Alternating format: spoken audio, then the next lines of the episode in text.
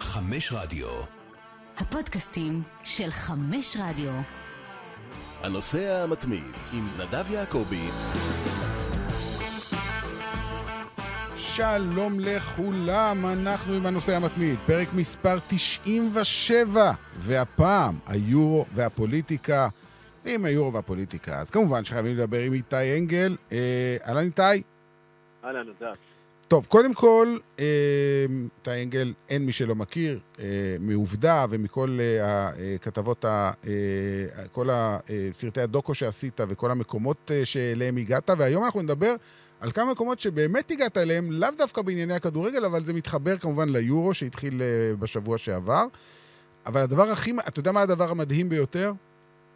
הדבר המדהים ביותר, שזה פעם ראשונה שאתה מתארח בנושא המתמיד, שזה, אני, אני אמרתי, אני, זה לא יכול להיות. עברתי על כל התוכניות, ו... ו, ו תשמע, פעם ראשונה, פעם ראשונה, אבל... שערוריה.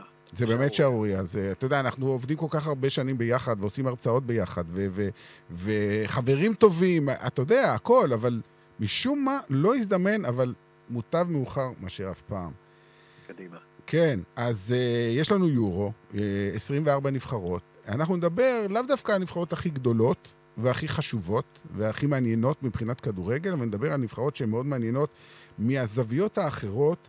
ואתה יודע, היום אנחנו מקליטים את זה ביום, אנחנו מקליטים את הפרק ביום, אה, יום רביעי היום, נכון? כן, יום רביעי אחר הצהריים, כאשר בערב אנחנו מקליטים את זה לפני פתיחת המשחק בין טורקיה לווילס, שהתקיים בבקו בירת אזרבייג'אן. לא משנה מה היה במשחק, גם אם תשמעו את הפרק אחרי שהמשחק הסתיים, ולא משנה אם ווילס ניצחה או, או טורקיה ניצחה, זה לא העניין. העניין הוא שהמשחק בבקו, ומבחינת הטורקים זה משחק ביתי לכל דבר. כן, לגמרי. אה, אזרבייג'אן וטורקיה, יש להם ממש סיסמה כזאת, אה, שתי מדינות, עם אחד. כן. קודם כל זה נכון, אה, אזרבייג'אן זה עם טורקי, יש הרבה עמים טורקים, גם טורקמניסטן, גם קירגיסטן, גם קזחסטן, והקשר בין אזרבייג'אן וטורקיה הוא הקשר הכי גדול. אני בשנה האחרונה הייתי במלחמה שהייתה בין אזרבייג'אן לארמניה. יש שם שטח שנוי במחלוקת שקוראים לו נגורנו קרבאח. היו שם אה, אה, משהו כמו עשר מערכות, כמעט בכולן ארמניה לא ניצחה אלא הביסה את אזרבייג'אן. במלחמה הזאת טורקיה התגייסה כולה כדי לתת לאזרבייג'אן כל מה שהיא רוצה, ולא רק טורקיה, גם מדינת ישראל, מהסיבות שלנו, אני ארמוז לך שאזרבייג'אן יש לה גבול ארוך מאוד עם איראן, כן. אז זה מאפשר לסוכני מוסד שלנו להיכנס ולצאת החוצה. אז רגע, רק שאלה, ש... שאלה שלא קשורה. אולי כן קשורה, אז יש שיתוף פעולה מתחת לפני השטח בין טורקיה לישראל? טורקיה לפעמים קצת, אני חייב uh, לומר לך, מתמרמרת על uh, שיתוף הפעולה החם מדי לטעמה בין אזרבייג'אן וישראל, אבל במלחמה האחרונה, שהיא הייתה כדי לכבוש שטח שקוראים לו נגורנו קרבאח, שהוא שטח סופר חשוב לא רק לאזרבייג'אן אלא גם לטורקיה, ואם תרצה אני אסביר לך, הם היו צריכים את הנשק הישראלי של המל"טים המתאבדים.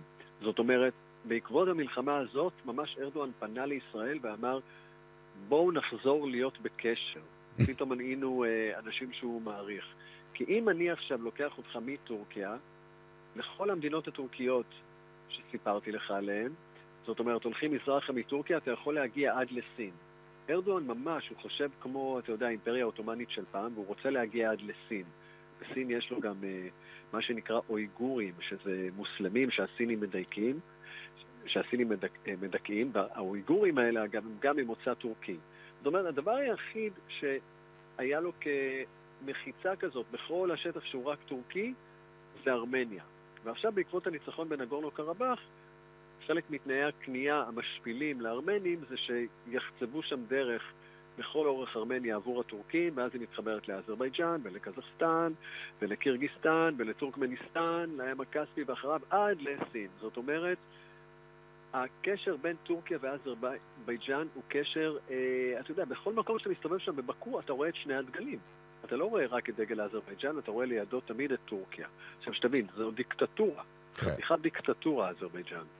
אה, הנשיא שם הוא חיידר עלייב, היה חיידר עלייב, הוא מת, אז הבן שלו, אילהם עלייב, הוא הדיקטטור הנוכחי. שתבין איזה דיקטטורה זאת, אם במקרה הוא מת כרגע, או לא יכול לתפקד, אז מי שמחליף אותו זה מחליפה, זאת אשתו. זאת אומרת, זה סופר דיקטטורה, אבל היא עשירה נורא, יש בה המון כסף, נפט המון בעיקר. נפט, יש עוד יותר גז. אה, אתה יודע, במגדלים שם בבקו, יש כל הזמן אה, מופע אה, ויזואלי מאוד מאוד מרשים, ככה מעין אנימציה על מגדלים שהם בערך פי שלוש בגודל מעזריאלי, שרואים אותם מכל מקום באזרבייג'אן, שאתה רואה המון אה, אש בוערת. אש כי זה ארץ שכולה התעשרה מגז. וכמו כל אה, דיקטטורה עשירה, היא רוצה, איך נגיד את זה, להלבין את התדמית שלה. אתה יודע, כמו שקזחסטן, הדיקטטורה, מארחת אה, ועידות שלום, כמו שקטאר הולכת אה, לארח אה, מונדיאל, ככה אזרבייג'אן מאוד מאוד היה חשוב לה לארח אה, ביורו הזה משחקים אצלה. זאת אומרת, להפוך אותה לאיזה משהו שהוא חלק מחגיגה גדולה, אתה יודע, ולא רק אה, להביט בה כדיקטטורה, שאגב, לא רק דיקטטורה כלפי השכנה ארמניה, אלא גם כלפי הזרים, אתה יודע, שיש להם אה, דעות אחרות מאלה של אה, השלטון. כן, אתה יודע, זה, זה, עכשיו זה הגיע למ- למצב הזה שהם מארחים משחקים ביורו. אגב, גם משחק ברבע גמר, לא רק בשלב המוקדם. ואתה יודע, זה איצטדיון, ראינו אותו גם משחק אה, גמר הליגה האירופית בין ארסנל לצ'לסי ב-2019. זה היה שערורייה, אתה יודע. לקחו שתי קבוצות מלונדון, שלחו אותם חצי עולם לצד השני של העולם. איצטדיון באמת שנראה איצטדיון סובייטי, מסלול ריצה, שרע, מאוד קשה לצפות במשחקים שם. זה נראה ארכאי ולא מתאים, ומה פתאום, אבל אה, כמו שאמרנו, הכסף מדבר. אה, והנה הם מארחים משחקים. המון המון כסף. כן. וארדואן כמובן מגיע לשם. אז זהו, אומרת- שהוא הוא במקרה הגיע לביקור, אה, לביקור אה, נשיאותי באזרבייג'אן. הכל חוץ ממקרה. כן. הוא, הוא חייב, אם אמרנו שאזרבייג'אן חייבת להלבין את עצמה, הוא חייב, איך נאמר, להלבין את עצמו. המצב שלו נורא ואיום אה, כנשיא. זאת אומרת, התדמית שלו, הפופולריות שלו בשפל, היה טיפול רע מאוד בקורונה מצד... אה, אני, אני, רק, אני רק. אגיד, אני רק אגיד ש... וככה במאמר מוסגר, אפרופו כדורגל, הרי איסטנבול הייתה אמורה לארח את גמר אה, ליגת האלופות בשנה שעברה ב-2020, אז בסדר, נכון. אי אפשר היה לקיים, עשו את הכל ב- בליסבון, בסוג של בועה כזאת, זה עוד התקבל. אז אמרו להם, תקבלו את זה ב-2021. אז גם ב-2021 אי אפשר היה לקיים, וזה עבר ל- ל- לפורטו, כי הקורונה שם במצב קטסטרופלי. קטסטרופלי. קטסטרופלי, עכשיו תוסיף לזה אבטלה חסרת תקדים, הכל קשור כמובן. מחירי דיור בשמיים, כל ההכנסות מתיירות קרסו, כי אין ברור. אה, תיירות. עכשיו, הוא עצמו, ארדואן, הוא מעורב כרגע במלחמות בלוב ובסוריה, הוא נלחם, אה, אתה יודע, ומתגרה במים הטריטוריאליים של אה, יוון וקפריסין, שזה עוד הוצאות כספיות אדירות, ולטורקים שם נמאס. זאת אומרת, התדמית שלו במצב איום ונורא, וכרגע ממש הוא, הוא בשיא השפל שלו. יש איזה מקרה שהוא מטריף את טורקיה, יש איזה בוס מאפיה טורקי, כן. הוא אגב גם אה, פוליטיקאי במפלגה שקשורה במפלגת אה, השלטון של ארדואן, והוא נמלץ. עכשיו, זה בוס מאפיה שהיה מאוד קרוב לארדואן ולבכירי שלטון. אגב, הוא התקרב לארדואן בין היתר כדי לוודא שאף פעם לא יעצרו אותו. ועכשיו הוא, בגלל שזה לא ברור אם יעצרו אותו או לא, אז הוא ברח לדובאי, ושם הוא פותח את הפה שלו בסדרה של אה, סרטי יוטיוב. ומה שהוא מספר שם, האיש הזה קוראים לו סדאת פקר, הוא מספר על שחיתות שארדואן ושרים בממשלה שלו מעורבים. והוא יודע אוקיי, הכל, כי הוא היה שם בפנים. כן, אבל תקשיב, זה לא שחיתות. עסקאות סמים, מקרים ספציפיים, והוא מונה אותם של אונס ומקרי רצח לא פתורים. והוא מונה, אתה יודע, את, ה, את ההרוגים בשמותיהם, שתבין, יש יותר מ-100 מיליון צפיות. וואו, לסדרה וואו. של הסרטים שלו ביוטיוב. זאת אומרת, ארדואן מגיע לאירוע חיובי כי הוא חייב, זה הכי לא מקרה, הוא חייב את זה, הוא חייב להיות באיזה אירוע יפה. והוא חייב אה, גם שטורקיה תנצח במשחק, כי היא הפסידה לאיטליה 3-0 במשחק הראשון, ועוד הפסד עוד שניים, והם גם הולכים הביתה, וגם, אתה יודע, זה מראה, גם הנבחרת שלך לא, לא טובה, לא רק אתה. יפה, ואם זה לא יתאים לו, יגיד לבמאי האזרי שלא לצלם גולים שטורקיה חוטפת. שתבין, יש עיתונאי רוסי אגב, אה, שהזרים חסמו את הכניסה שלו לאזרבייג'אן. הוא מטלוויזיה רוסית שקוראים לו Russia Match TV Station. למה חסמו אותו? כי הוא היה באותו אזור מריבה, נגורנו קרבאח, אבל הוא נכנס אליו מהצד הארמני. זה גם משהו שאני עשיתי. בגלל זה אני נכנסתי לצד הארמני עם דרכון אמריקאי שיש לי, ואחרי זה לאזרבייג'אן עם דרכון ישראלי, כי ידעתי שהם לא נותנים ואפילו עושים מעצר. זאת אומרת, הם כבר מנעו עיתונאים שלא נראים להם. הם חייבים לארדואן את הניצחון הזה בנגורנו קרבאח. אגב, יום לפני המשחק, ארדואן עצמו הגיע לנגורנו קרבאח המשוחררת, לעיר שקוראים לה שושה. אם ארמניה היה שומע אותי, עכשיו היה נותן לי סטירה, כי הם קוראים לה שושי. או, או, יא, וואי, וואי, תשמע, זה הבדל, הבדל תהומי. כן, ו... עכשיו, רגע, זה, המקום הזה שם הוא, הוא כלומר, בנגורנו קרבאח, אה, בעיר הזאת, העיר הזאת היא עיר נטושה, עיר רפאים, נכון? כרגע היא רפאים. והקבוצה שתשחק עכשיו נגד מ"ס אשדוד במוקדמות הקונפרנס ליג, קרבאח, היא לא כן. נמצאת בקרבאח, היא נמצאת בבקו. לא, לא, לא, לא, ממש לא. קרבאח זה אזור מאוד מאוד גדול, וגם אה, היא בכלל תהיה באזור שהוא אין בעיה מבחינתו כאזור אה, מריבה, והקבוצה הזאת הייתה קיימת אפילו לפני שהזרים שחררו את אה, השטח של נגונו קרבאח שהיה בידי הארמנים. זאת אומרת, זו קבוצה ש... קיימת, ו... אבל אתה יודע, השם הוא מאוד מאוד סמלי. לא, יש פה, אתה יודע, זה מעניין, זה, יש מצב דומה בקפריסין. יש את הנורטוזיס פמגוסטה, שהיא, כן. אתה יודע, היא במקור מפמגוסטה, אבל היא כרגע בניקוסיה. כל הסיפור בין הטורקים והיוונים בקפריסין, קפריסין הטורקית, קפריסין היוונית, זה אותו דבר. זאת אומרת, הייתה קבוצה בקרבאח, אבל בגלל המצב והמלחמה, המועדון עצמו אה, נטש את המקום כי אי אפשר שם אה, לחיות, ועבר בעצם לשחק אה, בבירה בקו, אבל שומר על המורשת וההיסטוריה והשם של אותו מקום. נראה לי שזה אפילו מתקשר לנושא אחר שנדבר עליו, שהוא אה, שכתר דניאס. נכון. אתה יודע שהחבר'ה האלה לא יכולים לשחק בדניאס. כן, מנור סולומון מעולם לא היה בדונייסק. אתה יודע, הוא נמצא שם שנתיים, אבל בעיר עצמה הוא מעולם לא היה. הוא בקייב נכון. כל הזמן. נכון. טוב. וזה כבר סיפור אחר. זה כבר סיפור אחר לגמרי. אז, אז אה, שמע, אז הסיפור של נבחרת טורקיה, אה, והסיפור של ארדואן, והסיפור של אה, אזרבייג'אן, הכל מתחבר, זאת אומרת, ואיפשהו פוטין נמצא ככה למעלה, מלמעלה, נכון? צופה בעניין. פוטין צופה בעניין כי אזרבייג'אן אה, הייתה חלק מברית המועצות, והוא רוצה לפקח על כל מדינה שהייתה פעם חלק מברית המועצות. שוב, גם על אוקראינה בין היתר, וכרגע פוטין הוא זה שבעצם תיווך את הסיום של המלחמה בין האזרים והארמנים, ובאופן מאוד נבון או תחמני, חלק מהסכם הפסקת אש, שמתפרסים שם חיילים רוסים בין הגורנו קרבאח כדי להפריד בין הניצים, ובעצם ככה הוא הבטיח שתהיה נוכחות של רוסיה בתוך אזרבייג'אן, בתוך ארמניה, קרוב למקומות עם הרבה נפט. זאת אומרת, פוטין גם כן דואג לסדר שחס וחלילה מדינות כאלה לא ילכו למערב, אלא שהוא יוכל לשלוט שם. זאת אומרת, עלייב, אילהם עלייב, הוא היה רוצה להיות יותר חופשי, הוא לא יכול להרגיז את פוטין, אז הוא מאוד מאוד נזהר, אבל שוב, הפטרון שלו זה ארדואן. כן. ארדואן ופוטין יש להם אה, ראש בראש, אתה יודע. אם יש מלחמה בלוב, פוטין תומך בהוא, ארדואן באחר. אם יש מלחמה בסוריה, פוטין תומך באסד, ארדואן במורדים. הם לא נלחמים ביניהם, אבל אתה יודע, יש איזה מתח גדול, כי כל אחד תומך ומשקיע המון המון כסף בחיים של חיילים שלו במלחמות לא שלו. תשמע, זה זה נורא מוזר, כי... אתה מדבר, נגיד ארדואן ופוטין, במקומות מסוימים הם נלחמים אחד בשני, במקומות מסוימים הם משתפים פעולה. ישראל וטורקיה, ב- ב- ברוב המקרים, או לפחות מעל פני השטח, זה שנאה תהומית, אבל איפשהו יש מקומות שאנחנו משתפים פעולה בכל מיני מקומות. בוא נגיד... כלכלה, כלכלה. בדיוק, איפה שיש כסף, לכסף אין ריח.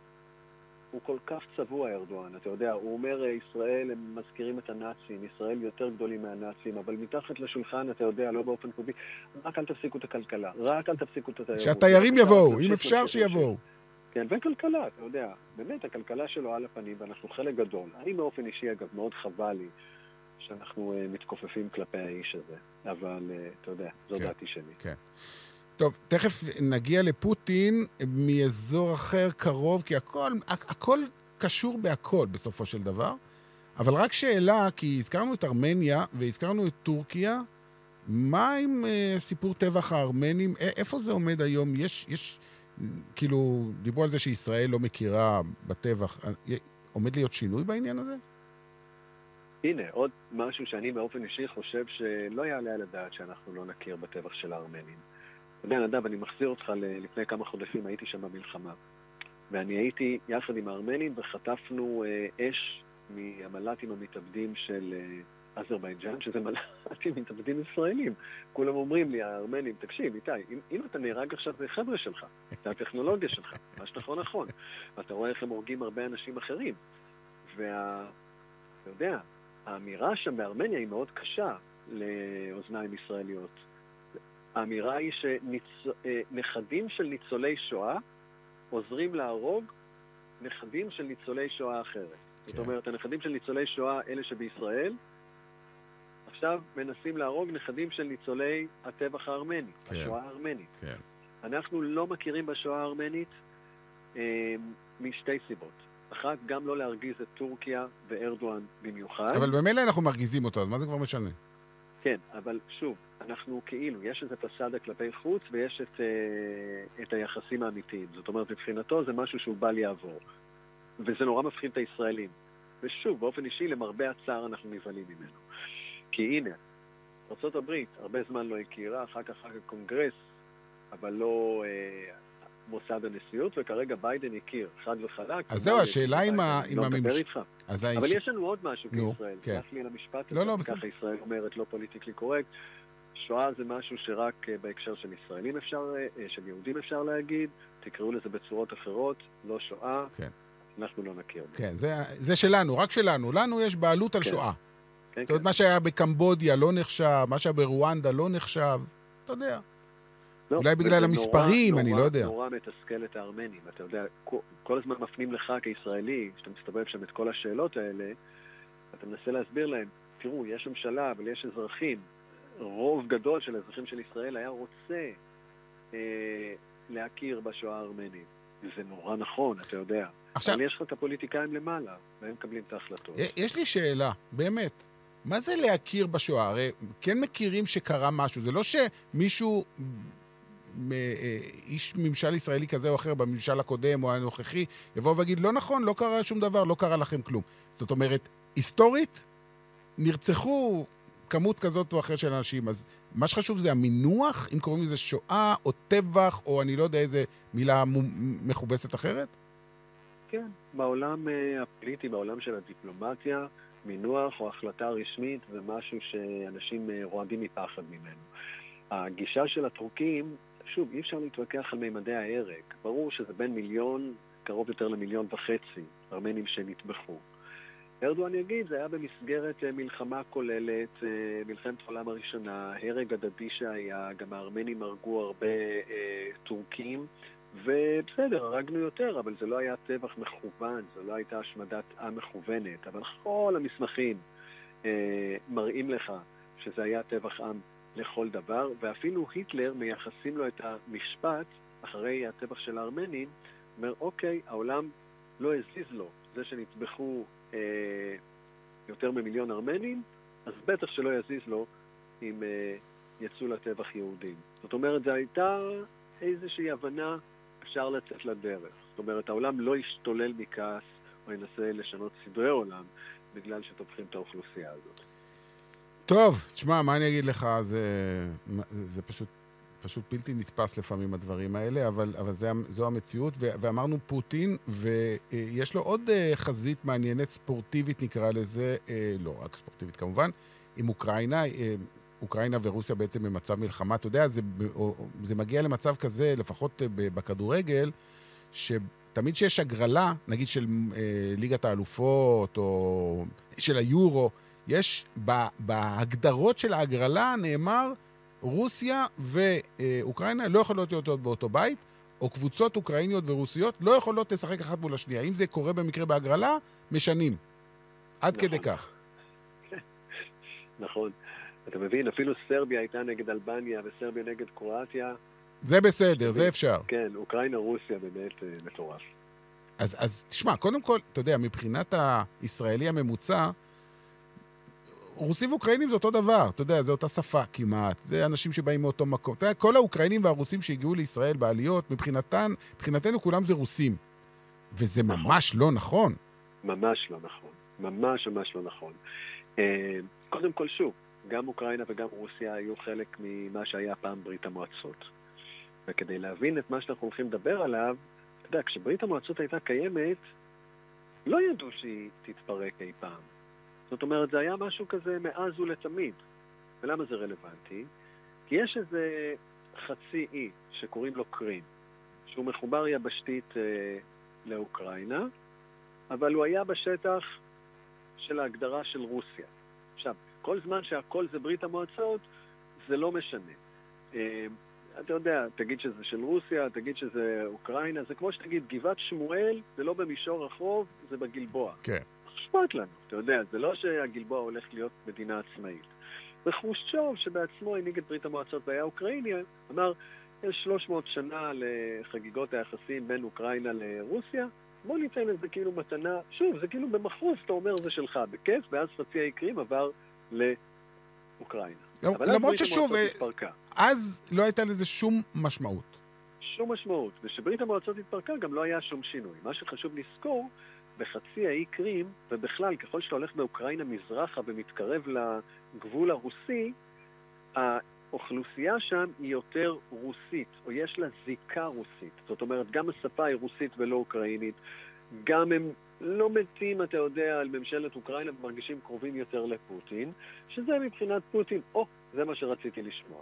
זאת אומרת, כל זמן שאוקראינה עובדת איתי ומצייתת למה שאני רוצה שהיא תעשה, נשאיר את זה אצלהם. אבל יום אחד אוקראינה החליטה לא לציית ועשתה את הדבר שפוטין הכי שונא, התחילה להתחבר לאיחוד האירופי. כלומר, היה נשיא ינוקוביץ' שבלחץ האוקראינים אמר, נעשה הסכם כלכלי עם האיחוד האירופי. האיחוד האירופי בשביל פוטין זה כמו בשביל ישראל, חיזבאללה וחמאס ביחד. פוטין לקח אותו לשיחה, אמר לו, אני מזהיר אותך, זה מאוד מצער אותי שאתה תעשה את זה, וינוקוביץ' הבין את העניין וחזר. מאותו רגע אוקראינים השתוללו, שהוא כלב של פוטין, ויצאו לכיכר המרכזית בקייב, מידן, ובהוראת פוטין פשוט, אתה יודע, ינוקוביץ' הוריד את החבר'ה האלה בכיכר, ומשם בעצם התחילה מלחמה. עכשיו, מה שחשוב, שנייה לפני המלחמה, ינוקוביץ', אחרי הטבח בכיכר, אנשים באו כדי ממש לעשות מושפטים. השתלטו על בניין הנשיאות, אז הוא ברח, תדמיין לך כמו בסרט מצויר, הוא עולה על מכונית, בורח, ולאן הוא בורח? כמובן לרוסיה, והאוקראינים, שרצו קשר עם המערב והאיחוד האירופי, השתלטו על הנשיאות, יש שם נשיא עכשיו שרוצה להיות בקשר עם האיחוד האירופי, וברגע הזה פוטין אמר, אוקיי, מה שהאוקראינים עשו זאת הפיכה, זה משהו אנטי-דמוקרטי, אתה מבין? כי הוא נורא... כן, הוא, הוא דמוקרט, ברור. כן, ואז הוא אמר, יאללה, ועזר לרוסים להיכנס לשטחים האלה שבאוקראינה, שלדעתו צריכים לעבור לרוסיה. אז קודם כל היה חצי האי קרים, הוא לקח את זה אליו, אבל זה לא רק. עוד שטחים במחוז שנקרא דונבאס. איפה, ש... שזה המקום שבו דנייצק. נמצאת דונייצק. דנייצק, יש שם עוד עיר גדולה שקוראים לה לוהנסק. זאת אומרת, הם לקחו איזה שטחים עצומים, וכרגע תכלס זה בידיים של רוסיה, או אם תקרא לזה, רוסים שחיים בתוך אוקראינה. כן, עכשיו, המורדים, מה שנקרא. בדיוק. עכשיו, למה הכל רלוונטי ליורו ויוצר מלחמת עולם נוספת? כי תכלס היום, למרות שהקהילה הבינלאומית לא מכירה בזה, חצי האי קרים הוא כבר לא בידיים של אוקראינה, הוא בידיים של רוסיה. אבל הנה אוקראינה באה עם התלבושת של הנבחרת ליורו, ועל החולצה היא שמה מפה, מפה של אוקראינה, שאתה יודע... כוללת את חצי האי קרים, כמה מוזר. דונבאס, דנייצק, לואנס, כל השטחים שרוסיה כבשה וסיפחה אליה אז ב-2014. עכשיו, אתה יודע, זה נורא מעניין, כי יש חוק, ממש קראתי את החוק מספר 4 בחוקה של פיפ"א, שאסור פוליטיקה על ציון. נכון. אסור חולצה, מכנסיים, נעליים, אה, סרט על השיער, אתה יודע, גופייה מתחת לחולצה, שום אלמנט פוליטי, דתי, מניפסט. בקיצור, מסר ברור, איסור מוחלט על פוליטיקה במשחק. אבל תכלס, זה בולשיט, כי הכל פוליטי, אתה יודע. בוודאי. תכף תחזור לאוקראינה, אבל אתה יודע, זה שאתה קורע ברך זה פוליטי. זה שאתה תשים אה, פרג על החולצות של אה, האנגלים בשבוע הזיכרון לחללי מלחמת בריטניה זה פוליטי. כמו שאתה לא תשים את זה, וגם זה פוליטי. זאת אומרת, לשיר המנון זה פוליטי, ולא לשיר לפעמים זה עוד יותר פוליטי. תשמע, עצם זה, עצם זה שנבחרת לאומית משחקת, זה פוליטי. בדיוק. עכשיו, אז אתה לא יכול, פיפ"א לא יכולה לאסור אה, מפה. ושוב, אגב, המלחמה עדיין נמשכת שם. היא כן. עולה ויורדת, יש כבר יותר מ-15 אלף הרוגים. אגב, זו מלחמה נוראה. יש שם כנופיות, יש שם אה, גם לוחמים זרים. זה הופך את כל העסק למשהו מלוכלך הרבה יותר מסתם אידיאולוגיה. עכשיו, זאת אומרת, ברור שבנסיבות האלה, ההחלטה של אוקראינה לשים את המפה על החולצה, מה שבטורנירים קודמים לא היה, זה לא עניין אותה אז. זה לא היה אף פעם, זה משהו חדש. נכון. אז לשים את זה עכשיו זה לחלוטין פרובוקציה. זה כמו... אבל מה זה פיפ"א יכולה בכלל להגיד על זה, אתה מבין? אני לא אגיד לך, זה- זה. תחשוב- היא לא יכולה לפסול את המפה כי החוק הבינלאומי לא מכיר בסיפור. איתי, אבל. תחשוב שנבחרת ישראל תעלה למשחקים בינלאומיים שעל החולצה מפה של כל שטחי אה, יהודה ושומרון, אה, וכמובן, טוב, אה, הגל, אה, הגולן כבר סופח, אולי זה כבר מוכר, לא מוכר, אני לא יודע, אבל יהודה ושומרון, על, על ידי הקהילה הבינלאומית, זה לא מוכר, זה לא חלק ממדינת ישראל. שמע, גם עבר הירדן השני והבשן, בוא נלך כזה ל... לא, אני אומר, מה שהיה לנו פעם. אני אומר, אם נעשה את זה, זה, זה די דומה למה שעשתה אוקראינה, נכון? ברור, אבל זה בדיוק העניין, אתה מבין? כי ברגע שאתה עושה מפה, אה, let's face it, אתה יודע, ברגע שאתה עושה מפה, במפה יש אה, אזורים בגבולות שהם שנויים במחלוקת לפעמים למדינות מסוימות. ואתה יודע, למה אוקראינה עושה את זה? אז אתה יודע, יושב ראש ההתאחדות של הכדורגל של אוקראינה, הוא אמר, זה כדי לנסוך אומץ בשחקנים, לחזק אצלם את ההכרה שהם נלחמים עבור אוקראינה, שזה מטורף. אגב, תסכים איתי, משחק אה, מול הולנד 3-2, מעולה, 2-0 חזרו ל-2-2, הם הוכיחו שהם לא נשברים ונתנו פייט. זה נכון. לא חושב אז יכול להיות שזה עזר, המפה עזרה.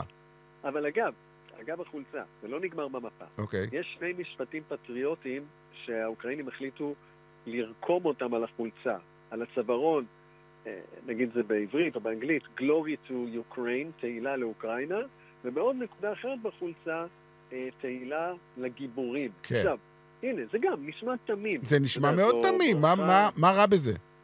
מה רע בזה? כי מבחינת כולם הכל מתקשר להיסטוריה, והקריאות האלה, אה, Glory to the Heroes, Glory to Ukraine, זאת הייתה הקריאה הרשמית של הפשיסטים האוקראינים.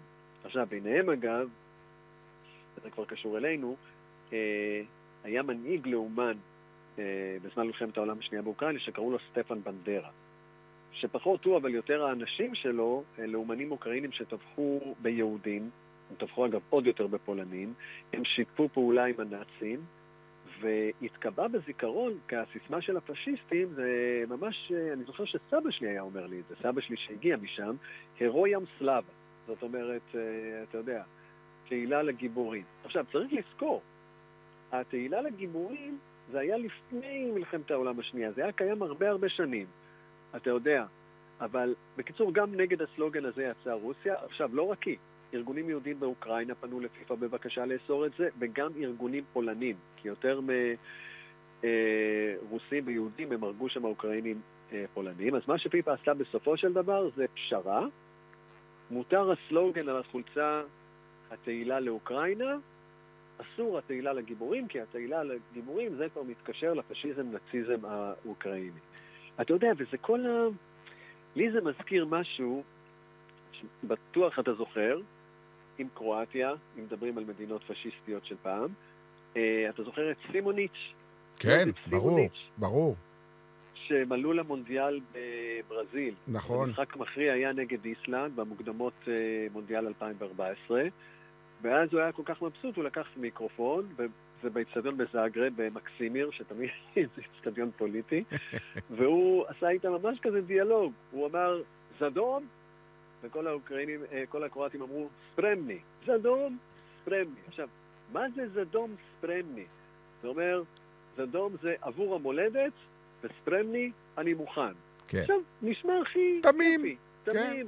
אבל זה היה המשפט של קרואטיה הפשיסטית. אוסטשה, זו המדינה שהייתה משתפת הפעולה הכי אכזרית של הנאצים. הם ממש שיתפו פעולה באהבה. הם הפתיעו, ותקשיב טוב למשפט הזה, הם אפילו זעזעו את הנאצים בכמה אכזריים הם היו כלפי היהודים. שצריך להיות באמת, הסרבים. להגיע לשיאים מטורפים כדי לה- לגרום לנאצים להיות עמומים מהאכזריות. תחשוב על זה שנאצי אומר, די, אני לא יכול... אה, כן, זה מוגזם, אתכם." זה כבר מוגזם. תראה, היה שם מחנה השמדה, יאסנובץ. תסתכל, הוא היחיד באירופה שלא נוהל על ידי הגרמנים. כי לא היה צריך גרמני שיפקח על זה, היו אנשים שעשו את זה בעוד יותר חדווה. ואגב, יאסנובס, המחנה השמדה הזה של הקרואטים, הוא היה המחנה השמדה היחיד שהיה לו אגף השמדה נפרד להשמדת ילדים. אוי ואבוי. ועכשיו, המשפט הזה, זדום ספרמני, זה המקבילה הקרואטית של זיג הייל. וואו. כשאתה מנצח את זיג הייל, שום דבר לא בעייתי במילים האלה, אבל אתה מבין איפה השתמשו בזה. זאת כן. אומרת, ברגע שסימוניץ' עשה את זה, אז כן התערבו. הוא הושעה מיד הוא הושעה. המשחקים, זאת אומרת, מכל המונדיאל בברזיל. עכשיו, התגובה הראשונית שלו הייתה, אני קרואטי גאה וכיף לי להשמיע את הקריאה הזו, זה לא קשור לנאצים או לפשיזם. אגב, סימוניץ' עצמו הוא קרואטי שחי באוסטרליה. יש הרבה קרואטים גולים שחיים באוסטרליה, אז הוא כאילו, לפי הטיעון שלו, מנותק מהמטען שיש לאמירה הזאת, בולשיט מוחלט. מצד שני, תקשיב, נבחרת קרואטיה, למרות שיש שם כדורגלנים שהם גם בני אדם מהממים, יש בה אשכרה פשיסטים. ואם אני לוקח את הקרואטי הכי מוצלח ברמה הבינלאומית, שזה היה דאבור שוקר, שהוא היה מלך השערים במונדיאל שאני ראיתי למשל בצרפת ב-98, כן. הוא, כשהוא שיחק בריאל מדריד, הוא הצטלם ליד הקבר של אנטה פאבליץ'. עכשיו, אנטה פאבליץ' זה היה האיש שהנהיג את האוסטשה, זה האיש שאפילו היטלר הזדעזע ממנו. כן. עכשיו, כשיצאו תמונות של זה בעיתונות הקרואטית, אתה יודע, זה כאילו, אה, תפסנו אותך, אתה יודע מה הוא אמר? כולם מכירים את דעותיו של דאבור שוקר. זאת אומרת, הוא היה ממש גאה בזה. כן. וגם בחגיגות של מקום שני במונדיאל של 2018, באמת, נבחרת של אנשים מקסימים. הנבחרת הזמינה לחגיגות את הזמר הקרואטי לאומן פשיסט, קוראים לו מרקו פרקוביץ'. עכשיו, יש לו שיר, אתה תיפול מזה, יש לו שיר על המחנה השמדה יאסנובץ. קוראים לזה יאסנובץ וגרדיש קסטרה. מה, כאילו שיר הלל? שיר הלל? שיר על איזה כיף היה לשחוט סרבים. אוי לא ואבוי לי. יהודים, אבל הוא מזכיר... זה, זה לא להאמין. אתה יודע, כולם יודעים, וגם להופעות שלו באים חבר'ה עם כל מיני אה, חולצות, עם אה, סלוגנים של מיליציות קרואטיות מאז. עכשיו, אגב, סימוניץ' הזה שאמרת זה דום ספרמני, זה לא שדאבור שוקר גינה את זה אף פעם, והיום הוא גם המנג'ר של נבחרת קרואטיה עד גיל 19, ושוקר כבר הוא ראש התאחדות כדורגל בקרואטיה בעשר שנים האחרונות. אגב, בלי קשר לזה שהוא פשיסט, הוא הפך את עצמו לאדם אה, שנוא על הקרואטים, כי הוא מושחת, הוא גנב, הוא היכה עיתונאים, ואגב, הוא שואף להגיע להנהלה של אה, וופא, אתה יודע, ובהינתן שהיו שם פלטיני וכאלה, זה לא, לא מן הנמנע, לא נמנע ממה שהוא יגיע לשם. טוב, תראה איזה סיבוב עשינו. התחלנו בבקו באזרבייג'אן, עברנו לטורקיה עם ארדואן, המשכנו לפוטין וקישרנו אותו עם המלחמה עם אוקראינה, ומשם הגענו לקרואטיה, ואנחנו נמצאים ביוגוסלביה לשעבר, שזה המקום שאתה מכיר כל כך טוב על אה, חלקיו השונים, ונחתנו בסקופיה, בירת צפון מקדוניה. צפון גם שם מקדוניה. סיפור עם חולצות. גם, בין היתר. כן. אה, כן. אז בוא נגיד, צפון מקדוניה, אנחנו הכרנו אותה גם על המגרש, ישראל. יוון הגישה תלונה רשמית אה, לנשיא וופא כנגד נבחרת צפון מקדוניה. על מה? קודם כל, שתבין, מה הם עשו לו בסדר ומה היוונים מתערבים? קודם כל, שתבין את החומרה של זה. זה שר הספורט הגיש אותה, וזה לא נגמר רק לוופא. גם ברמה של שתי המדינות, ממשלת יוון הביעה ממש תרעומת רשמית מול ממשלת צפון מקדוניה. מה הם עשו? למה? מה, מה היה... בגלל- איזה הכל פשע נגד האנושות הם חולצה. עשו? חולצה, נדב. חולצה. שוב, מה הם שמו על החולצה? כי על החולצה של השחקנים של נבחרת מקדוניה רשום, בראשי תיבות, רשום שם התאחדות הכדורגל של מקדוניה. ועל מה התלונה? מבחינת יוון צריך להיות רשום התאחדות הכדורגל של צפון מקדוניה. אוי ואבוי. כן, זה נראה כל כך קטן, זה נראה כל כך סתמי. אתה יודע, ובכלל, מה יוון מתערבת בטעויות כתיב לכאורה של מה שמדינה אחרת מדפיסה על החולצות שלה? אז למה זה לא קטן? קודם כל כי זה קשור אה, לסכסוך פוטנציאלי מאוד טעון בין יוון למדינת צפון מקדוניה, ובגלל שכל האזור הזה הוא מה שנקרא הבלקן, אז מכל סוג של סכסוך אתה צריך ממש להיזהר, ממש לקחת אותו אה, ברצינות. וזה קשה לקחת את זה ברצינות, כי אני יודע, זה באמת נשמע מפגר. וזה מתחיל משם, אה, קודם כל מהשם.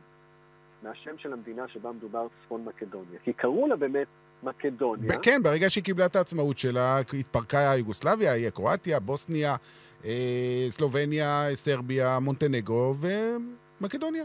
בדיוק, זה התפרק לשבע מדינות וגם למקדוניה, כי השם הזה, קראו לו מקדוניה, שיוגוסלביה הייתה קיימת.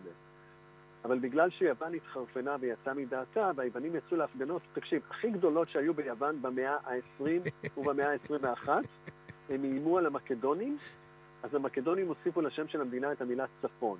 כן, אבל זה לא היה פשוט, כי... מקדוניה זה אומר שאתה לא מקדוניה. כן, אבל זה לא היה... קודם כל, קודם כל, איתי, זה לא היה פשוט, כי ישבו הממשלות וניסחו הסכמים וכל מיני דברים. שנים, שנים ארוכות. כן, ואתה יודע, אבי מלר, חברנו הטוב, אה, היה בשבוע שעבר ביוון, בטיול.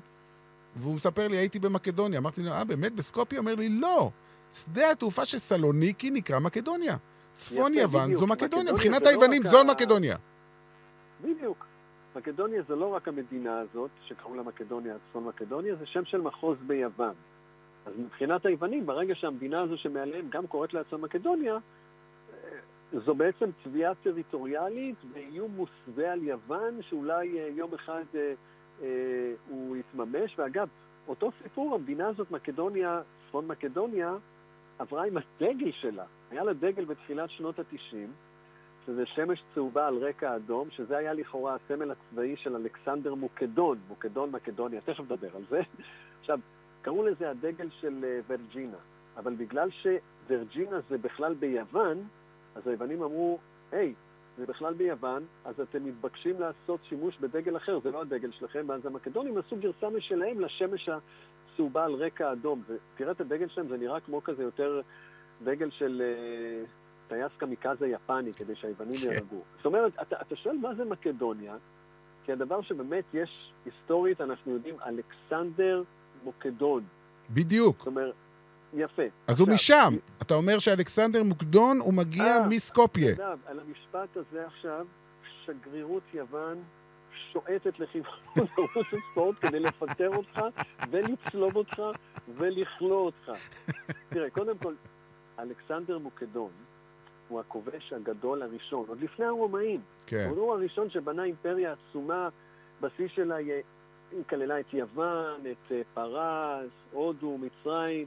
עכשיו, הוא היה יווני. עכשיו, גם מה זה היה יווני? כל מי שדיבר יוונית והאמין אז ב-12 האלים, אז הוא יווני לחלוטין. והיה גם שבט ביוון שקראו לו מקדונים, שזה שבט בעולם ההלני. כן.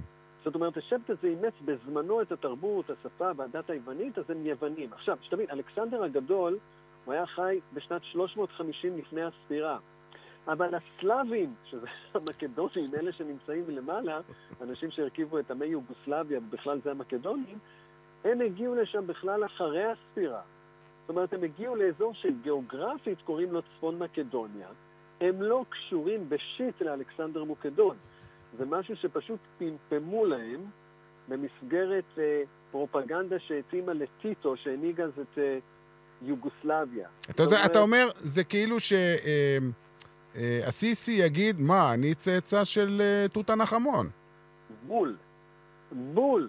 זה המצאה ששירתה את טיטו. טיטו היה אדם מאוד מאוד חכם ומאוד מאוד תחמן. זאת אומרת, כשהוא הקים את הפדרציה היוגוסלבית, הוא מגיע, ובאזור הזה של צפון מקדוניה זה בלאגן, היו שם אלבנים מוסלמים, היו שם עות'מאנים טורקים שנשארו שם, היו שם סרבים, צוענים, אף אחד בעצם לא שלט, זה היה מין... אה, man's land היו כזה. יהודים. זאת אומרת, הוא מצא אזור שבעצם אין לו נשמה לאומית, אז הוא המציא להם ישות. זאת אומרת, מבחינה גיאוגרפית זו מקדוניה הצפונית, אז כדי ליצור נשמה מקדונית שתתאים לנרטיב של המדינה היוגוסלבית, אה, הוא אמר שכל מי שגר באזור הזה מקדונים, הוא אמר, והוא טען, שתבין, במשך דורות, אה, וכך חינכו אותם בבית ספר, שהאבא של המקדונים, האבא שלהם, אלכסנדר מוקדון. עכשיו, אנשים שגדלו בשנות ה-50, 60, 70, 80 במקדוניה, סקופיה, הם בטוחים שהם צאצאים של אלכסנדר מוקדון. והם חושבים שיום אחד, גם לפי ההבטחה של טיטו, כל מקדוניה הגדולה תהיה שלהם, והיוונים מתפלצים מזה, כי מקדוניה הקדומה זה 80% יוון, 10% בולגריה ו-10% צפון אה, מקדוניה. זאת אומרת, זו המצאה. זאת אומרת, גורן פנדב... העם המקדוני זאת המצאה של טיטו. זאת אומרת, אין שום קשר בין גורן פנדב לאלכסנדר מוקדון, למרות שהוא סוג של אלכסנדר מוקדון המודרני. אין כן, קשר. הוא, הוא כובש בפני עצמו. הוא כובש, בדיוק. הוא כובש בפני עצמו, הוא אמנם עתיק מאוד, הוא בן 38, אבל אלכסנדר מוקדון זה, אתה יודע, באמת 350 לפני הספירה, וזה קצת אחרת. תראה, תראה תשמע, כמה... זה, זה סיפור מדהים, אתה יודע, זה באמת עם מומצא. אגב, יש, יש בכלל מלא המצאות במדינה הזאת, אתה יודע, הם למשל טוענים במקדוניה, צפון מקדוניה, שחלקים... והיית שם, של נכון? היית בצפון מקדוניה? גם אני הייתי שם. כן, זה- אני הייתי שם, אגב, אה, בזמן המלחמה שהייתה בקוסובו, וכדי להיכנס לתוך קוסובו, אני עברתי דרך מקדוניה. אז הם טוענים גם שחלקים מהצלב של ישו נמצאים שם במקדוניה, שהם שמורים בשני מנזרים בערים שם, יש שם ערים יפהפיים אגב. לך תדע, אתה, אתה כן. מבין, זה מלא המצאות כדי לקבל משמעות למי אתה, מה אתה, מי היה אבא שלך. ושאני אומר לך, אתה יכול להיות מבסוט. אבא היה, לטיטו היו גם סיבות להגיד להם את זה, אתה מבין? הוא לא פחד מאף אגב. טיטו היה סרבי? כאילו, לא, טיטו היה חצי קרואטי, חצי סלובני. מה הוא, אתה אומר? הוא, הוא אמר, לא חשוב אה, סרבי, לא חשוב קרואטי, לא חשוב מקדוני, חשוב יוגוסלבי. כמו שלנין וסטלין אמרו, לא חשוב רוסי, אוקראיני, או קזחי, או בלרוס. או גיאורגי, נאצי. כמו שסטלין היה. בדיוק, כולנו סובייטים. תמחק את הזהות השורשית. אבל בסוף תמיד הזהות השבטית במקומות האלה הייתה חזקה אז- יותר, וזה גם מה שהביא למלחמות אז, האזרחיות. אז נסגור את הסיפור הזה, תכף יש לי גם איזה משהו קטן אז לספר. יוון בקריזה על זה שלמרות שמקדוניה שינתה תחת לחץ את השם שלה לצפון מקדוניה, היא הגניבה את ההתאחדות הכדורגל של מקדוניה על החולצה, לא ההתאחדות של צפון מקדוניה, ויוון שוב בטירוף, ומאיימים לפרק את ההסכם שלום, אתה מבין. אז, אז שים לב, טוב, אתה, אתה מכיר את זה ואתה רואה את זה, והכל התפרק. זאת אומרת, כל הדברים שנעשו בצורה מלאכותית לא החזיקו מעמד. ברית המועצות התפרקה, אה, צ'כוסלובקיה התפרקה לצ'כיה וסלובקיה, אה, ויוגוסלביה התפרקה לעמים השונים שמרכיבים אותה, כי זה לא יכול להחזיק מעמד לאורך זמן. זה יחזיק מעמד 50, 60 שנה, אבל זה לא יכול להחזיק מעמד יותר מכמה עשרות שנים. נכון, אתה צריך שתהיה, איך אני אקרא לזה, הלימה בין מה שהשליט אומר לך שאתה לבין מה שאתה מרגיש. נגיד, אתה יכול להגיד גם ישראלים, יהודים, אתה יודע, אבל אספו אותנו ממקומות כל כך מרוחקים, תרבותית, מנטלית, גיאוגרפית, ואתם עכשיו, אנחנו ישראלים כי אנחנו יהודים. כן, זה מספיק. תיקח למשל את ארצות הברית, אתה יודע, באמת הגיעו אנשים מהמון מקומות, אתה יודע, אולי גם זה יתפרק. טקסס כבר, אה, יש שם תנועה שרוצה לפרוש, אבל עדיין הם אמריקאים ואין אה, סיכוי. אם אתה מזכיר כבר מקומות שיכולים להתפרק, אה, בריטניה. רגע, רגע, רגע, רגע, אה, לפני שנגיע לבריטניה, שנייה, יש לי חוב קטן. לא קשור לכלום, אבל אולי גם מספר משהו. גם אני הייתי בסקופיה בשנה שעברה, ש- שנתיים כבר, שנבחרת ישראל שיחקה שם נגד צפון מקדוניה במסגרת מוקדמות היורו, ואנחנו מגיעים לאצטדיון, והאצטדיון נקרא אה, אצטדיון טושה פרואסקי. בסדר, אתה יודע, זה לא אומר לי כלום. ואז אני נכנס ומברר. האצטדיון הלאומי של צפון מקדוניה נקרא על שמו של זמר. ז, זמר העם הגדול ביותר של המדינה הזאת, שמת בתאונת דרכים ב-2007. אגב, הוא הופיע באירוויזיון ב-2004, רק שתהיה בעניינים. ו- אוקיי. והוא מכונה אלוויס פרסלי של הבלקנים, ועל שמו נקרא האצטדיון הלאומי. אני לא יודע אם יש בכלל איזשהו מקום בעולם שהאצטדיון הלאומי נקרא על שמו של זמר גדול ככל שיהיה, אבל בצפון מקדוניה קורים דברים מוזרים. אה, אני חושב שבברזיל יש ז'ובים, אבל אני לא יודע אם על שמו של המלחין. אולי, אבל לא האצטדיון הלאומי, לא המרקנה. לא, לא, לא, לא, לא, לא האצטדיון הלאומי. לא האצטדיון הלאומי. טוב, בוא נעבור, הזכרת כבר את העניין הזה של אה, אה, מדינות שמורכבות מעמים שונים, שאולי התפרקו. אתה יודע, דיברנו לפני כמה שנים ודיברנו על זה הרבה, ועשינו על זה הרצאות, על קטלוניה, והקטלונים שרוצים אה, לפרוש מספרד. זה לא קורה בינתיים, מסיבות כאלה ואחרות. אבל ביום שישי, סקוטלנד מגיעה למשחק חוץ בוומבלי נגד אנגליה, שזה לכאורה הדרבי הבריטי, זה נחמד, סקוטים, אנגלים. שמע, הם לא תמיד היו חברים טובים, הם לא תמיד גם היו חלק ממדינה אחת מאוחדת בריטניה, ויותר ויותר סקוטים רוצים להתנתק, רוצים להקים סקוטלנד עצמאית. נכון, בדיוק כמו שאמרת, ואתה יודע מה, אם אני לוקח את זה יותר אחורה, זה מעניין שמאז ומתמיד בכלל נתנו להם לשחק כדורגל באופן עצמאי. זאת אומרת שאין נבחרת בריטניה. זאת אומרת, למה... הרי אין, זה הברית משחקת, זה לא שיש נבחרת ניו יורק, נבחרת טקסס, נבחרת קליפורניה. זאת אומרת, זה תמיד המדינה, אבל רק בריטניה היא המדינה היחידה שבה הוחלט שהמרכיבים שלה משחקים, וזה קשור, אה, בוא נאמר, איזו הוקרת תודה להיסטוריה, כי זה מתחיל ב-1872, זה היה בגלסגו בסקוטלנד, אה, היו שם איזה 4,000 צופים, ו-22 שחקנים, שאגב, אז בכלל לא היו מקצוענים, זה היה חובבים. זה המשחק הבינלאומי הראשון אי פעם. בדיוק. עכשיו, זה משחק שהסתיים ב-0-0, אנחנו יכולים להעריך שלא הייתה שם רמה גבוהה, אבל זה מה שאמרת. זה לא צולם, אגב, לא צולם. התגשם בה, כאן הרעיון של המשחקים, משחק בינלאומי בכדורגל בין עמים. זאת אומרת, המשחקים הבינלאומיים הראשונים היו בין העמים של בריטניה.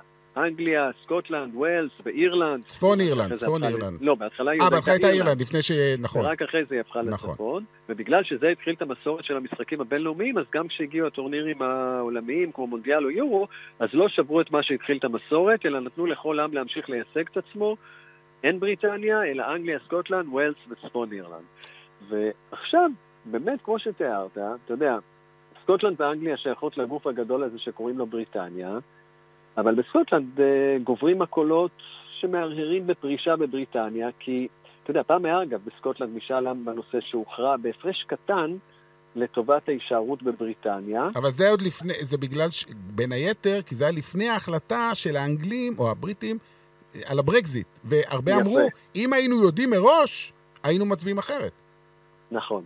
ואתה יודע, אז גם דיוויד קמרון, שהיה ראש ממשלת בריטניה, הוא נתן את הרשות לסקוטים ללכת למשאל עם, אבל הוא ממש הפציר בהם, אני נורא רוצה שתישארו, ואתה יודע, הייתה ממש מתקפת האהבה על הסקוטים להישאר. האנגלים אומרים, תישארו, תישארו, תישארו, וגם במובן הזה, עכשיו זה שונה. אני הולך להדהים אותך עם סקר מהשבוע האחרון באנגליה. אוקיי. Okay. לפני שאתה מדבר איתי כמה סקוטים רוצים לפרוש okay. וכמה אוקיי. סקוטים רוצים להישאר, באנגליה היה משאל עם שאומר כמה מהאנגלים מתנגדים לזה שסקוטלנד אה, תצא לעצמאות.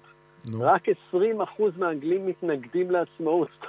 מה אתה אומר? 80% אומרים, עופו לנו מהעיניים, נמאס לנו מכם, עם החציות שלכם, עם הוויסקי ועם התסביך הזה שקשה לי להיות עם האנגלים, אני רוצה להיות עצמי. תעופו מפה. עכשיו, זה מדהים. אתה יודע, זה סקר שהתוצאות שלו זעזעו שם את כל הפרשנים, כי אתה יודע, כל הזמן אומרים, הסקוטים ירצו אה, או לא ירצו, האנגלים כבר אומרים, תל, תלכו מפה. עכשיו, ב, אתה יודע, הגאווה הסקוטית, הלאומנות הסקוטית, זה באמת התעצם ב, בעקבות הברקסיט. אבל אתה יודע, קודם כל, אתה הזכרת שהיו מלחמות ביניהם. ואתה יודע, הסקוטים עדיין מפארים את הניצחון הכי גדול שלהם ב, על האנגלים בקרב שקוראים לו בנוקבורן, זה הונצח בסרט לב אמיץ עם אל אה, גיבסון. רוברט דה ברוס. כן. ובכלל, אתה יודע, יש להם יצירות תרבות סקוטיות, הם נורא משלבים את האנטי כלפי בריטניה. למשל, אם אנחנו מדברים על הדרבי האחרון המדהים הזה ב-1996 עם הגול של גס כהן, כן. אז גם יצא טריינספוטינג, הסרט. נכון. אתה יודע, בטריינספוטינג זה סרט סקוטי.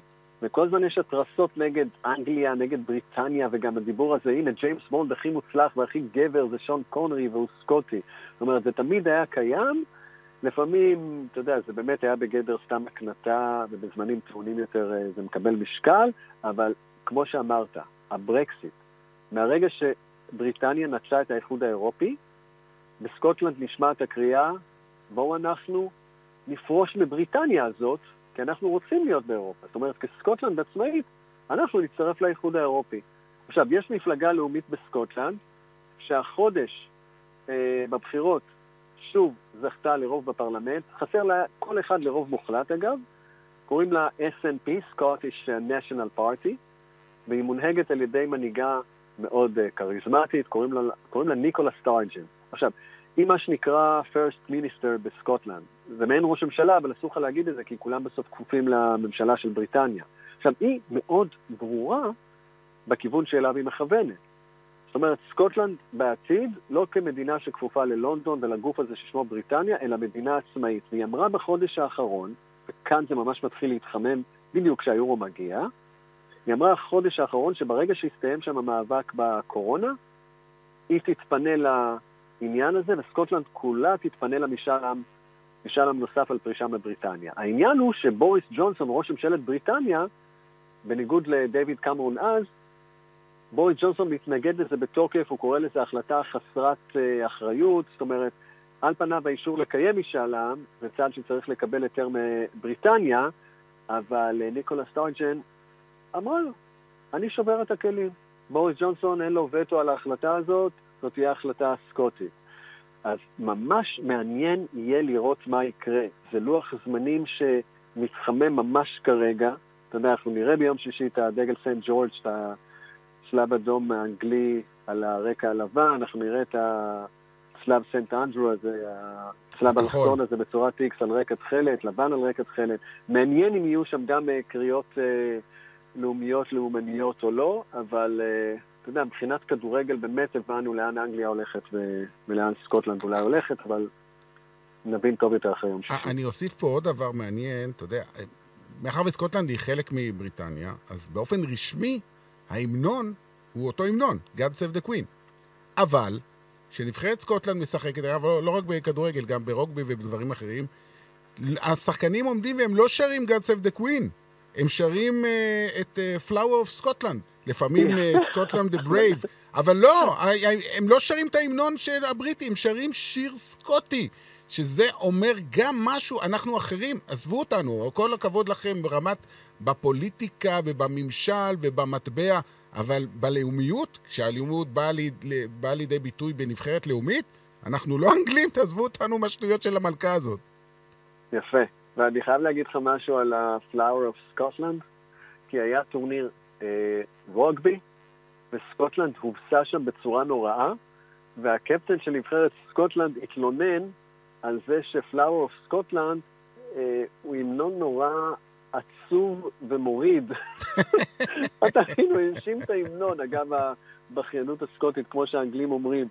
זאת אומרת, יש להם המנון כזה, קצת כמו המנון של ישראל, אתה יודע, הוא נורא יפה, זו מוזיקה נורא מרשימה, אבל זה לא כזה, אתה יודע, כמו ההמנון נגיד של מדינות המפרץ, טה-טה-טה-טה-טה, כן. God save the queen, או ההמנון הצרפתי, או ההמנון האמריקאי, זה כזה פומפוזי וזה מעיף אותך.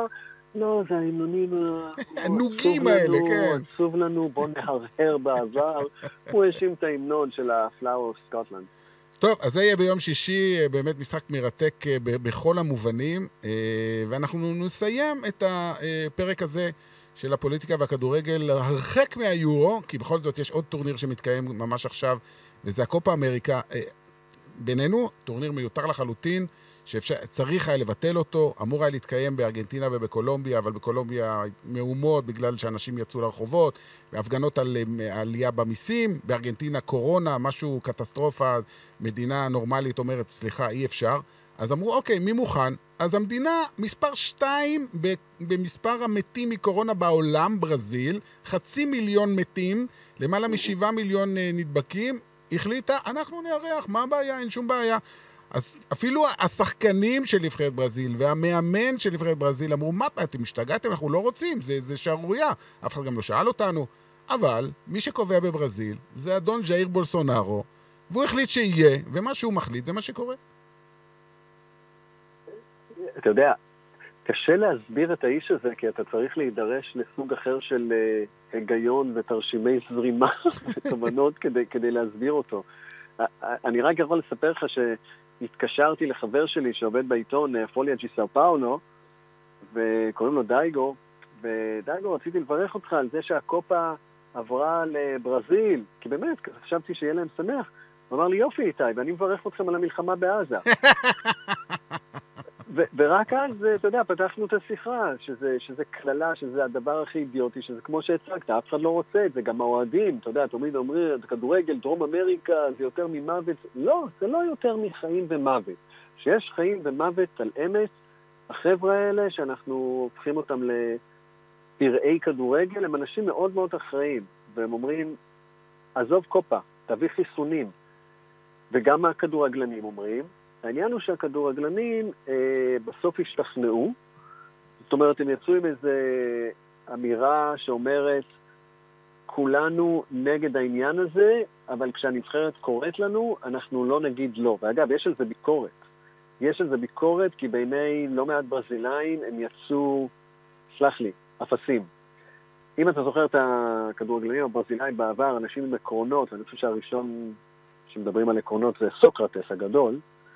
אה, עליו השלום, בוא נגיד, נזכיר רק ככה, במאמר מוסגר. עליו השלום. והוא יצא מול החונטה הצבאית בברזיל נכון. בלי למצמץ, נכון. ולקח סיכונים הרבה הרבה יותר גדולים ממה שנדרש מהשחקנים היום. והיה עוד שחקן ששיחק לצידו, שקראו לו קאסה גרנדה, שהשבוע, אגב הנכונות של השחקנים להתיישר עם הקופה, הוא אמר שההתנהגות של השחקנים היא פשוט אה, פחדנית. אם סוקרטס היה חי, הוא היה משפיל את המבט שלו מרוב אה, בושה. כי זה ממש בושה שהם אני אגיד לך, יש פה כמה דברים. אה, קודם כל, חלק גדול מהשחקנים של נבחרת ברזיל הם תומכי בולסונארו, פשוט. אה, מבחינה פוליטית הם בעדו, ואתה יודע, הוא זכה בנשיאות בבחירות דמוקרטיות, זאת אומרת, רוב הציבור בברזיל תומך בו. לחלוטין, לחלוטין. אי אפשר לברוח מזה, זה אחד. תשמע, הוא הגיע על קרעי ממשלה שהייתה סופר מושחתת, אפילו במושגים דרום-אמריקאים של לולה, אתה יודע, שהתחילה כהבטחה גדולה ועשו דברים יפים, המפלגה, מפלגת העבודה, המפלגה הסוציאליסטית שלו, אבל בסוף זאת הייתה שחיתות, קוראים לזה רבז'אטו, אפשר לראות על זה סדרות בנטפליקס. תגיד, היה, היה, היה נשיא ברזילאי לא מושחת? היה דבר כזה? לא היה. תמיד, איפשהו, גם אלה שנראים הכי בסדר, בסוף מתגלים כל מיני קופות שרצים מטורפות. היה אחד שתמיד אומרים, אה, אלה ש...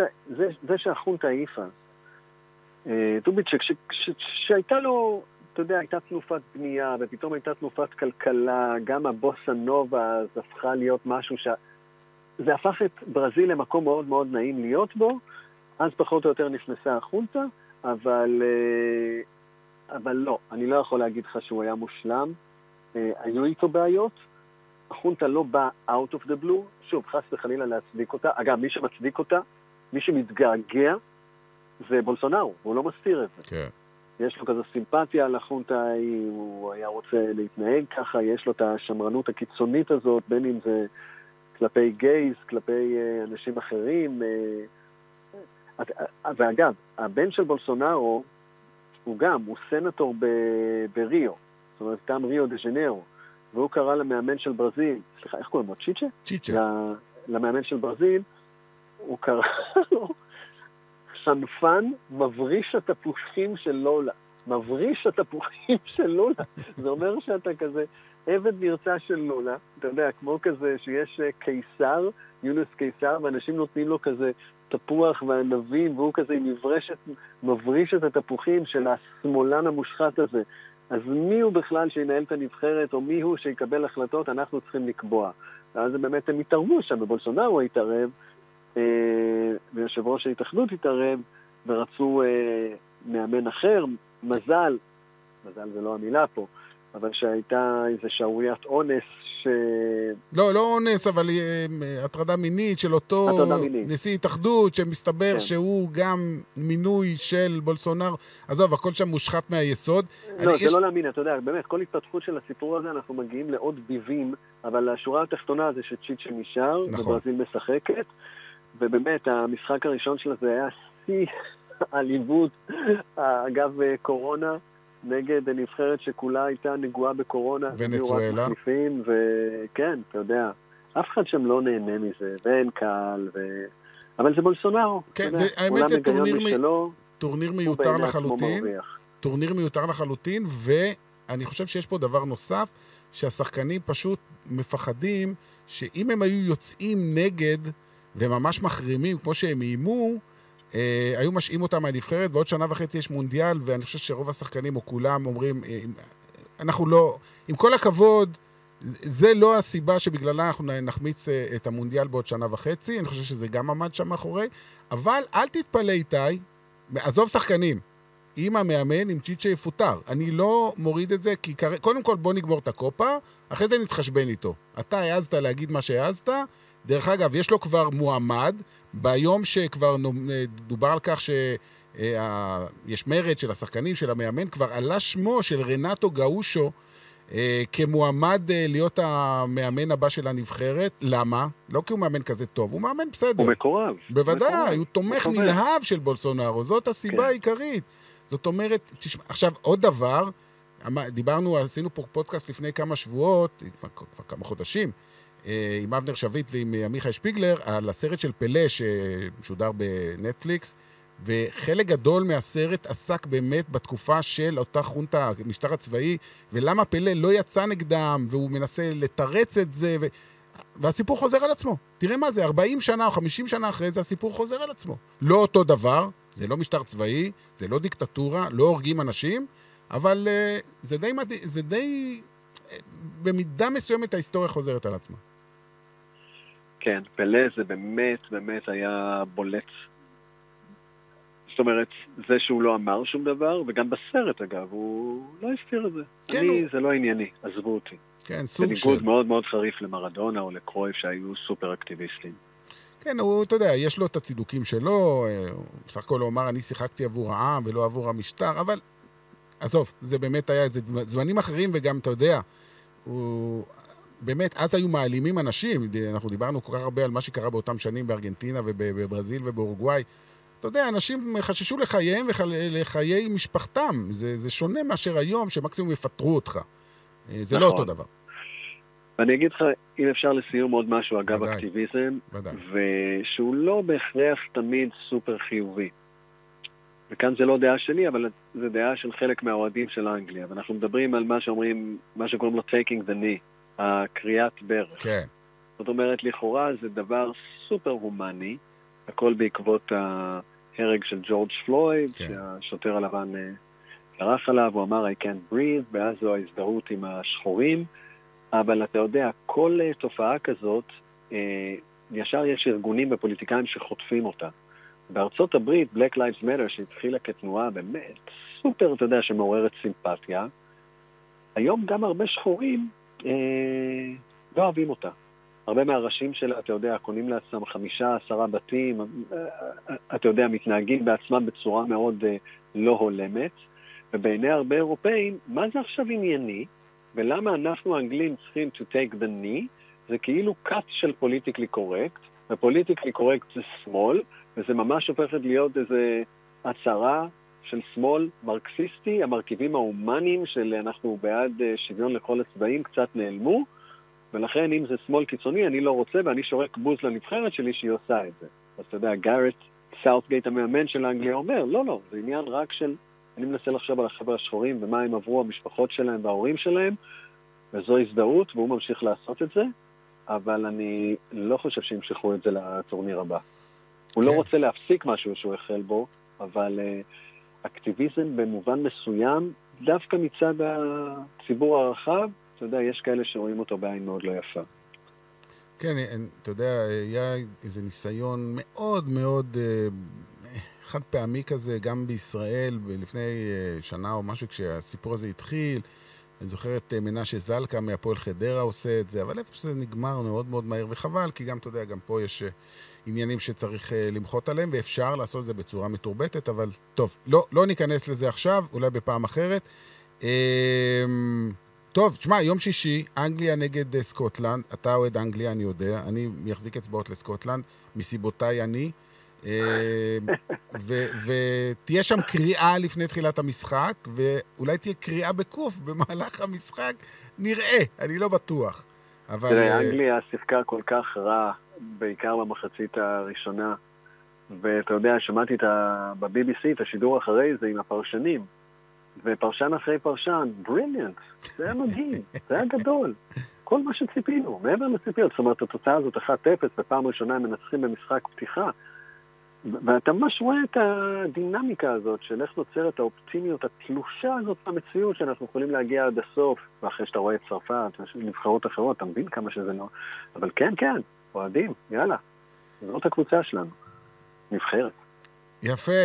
אה, איתי אנגל, אה, כרגיל, אה, תענוג גדול. אני חייב להגיד לך שזה אחד הפרקים הכי כיפים שהיו לי בכמעט 100 פרקים של הנושא המתמיד, אנחנו עוד מעט מגיעים ל-100. אה, וכמו שאמרתי, פעם ראשונה... יותר, אל תזכור אותי רק בימי מלחמה. לא, לא, חס וחלילה, חס וחלילה. כל פעם שיש טורניר גדול, ואנחנו, נראה לי, בלי שום קשר, בעוד שנה וחצי שנינו נהיה בקטאר ביחד, יש לי תחושה כזאת. אמן. אמן. טוב, איתי, אה, תודה רבה. יאללה, נדב, להתראות, תודה על בכיף. ההזמנה, ביי ביי. אז אה, עד כאן הנושא המתמיד, פרק אה, מספר אה, 97. כן, אנחנו היינו היום עם היורו והפוליטיקה, ואפילו קצת קופה אמריקה. תודה רבה לכם שהייתם איתנו. אנחנו נהיה כאן כמובן אה, בכל שבוע עם אה, הנושא המתמיד, אבל בכל יום, אה, מראשון עד חמישי עם ימי היורו, בכל... בשעה אחת בצהריים, נסכם את מה שקורה באליפות אירופה. תהיו איתנו ב... באפליקציה ובאתר ובכל מקום, ותגובות גם נשמח לקבל ולהשמיע, ושאלות אם יש, נשמח גם לענות. יאללה ביי.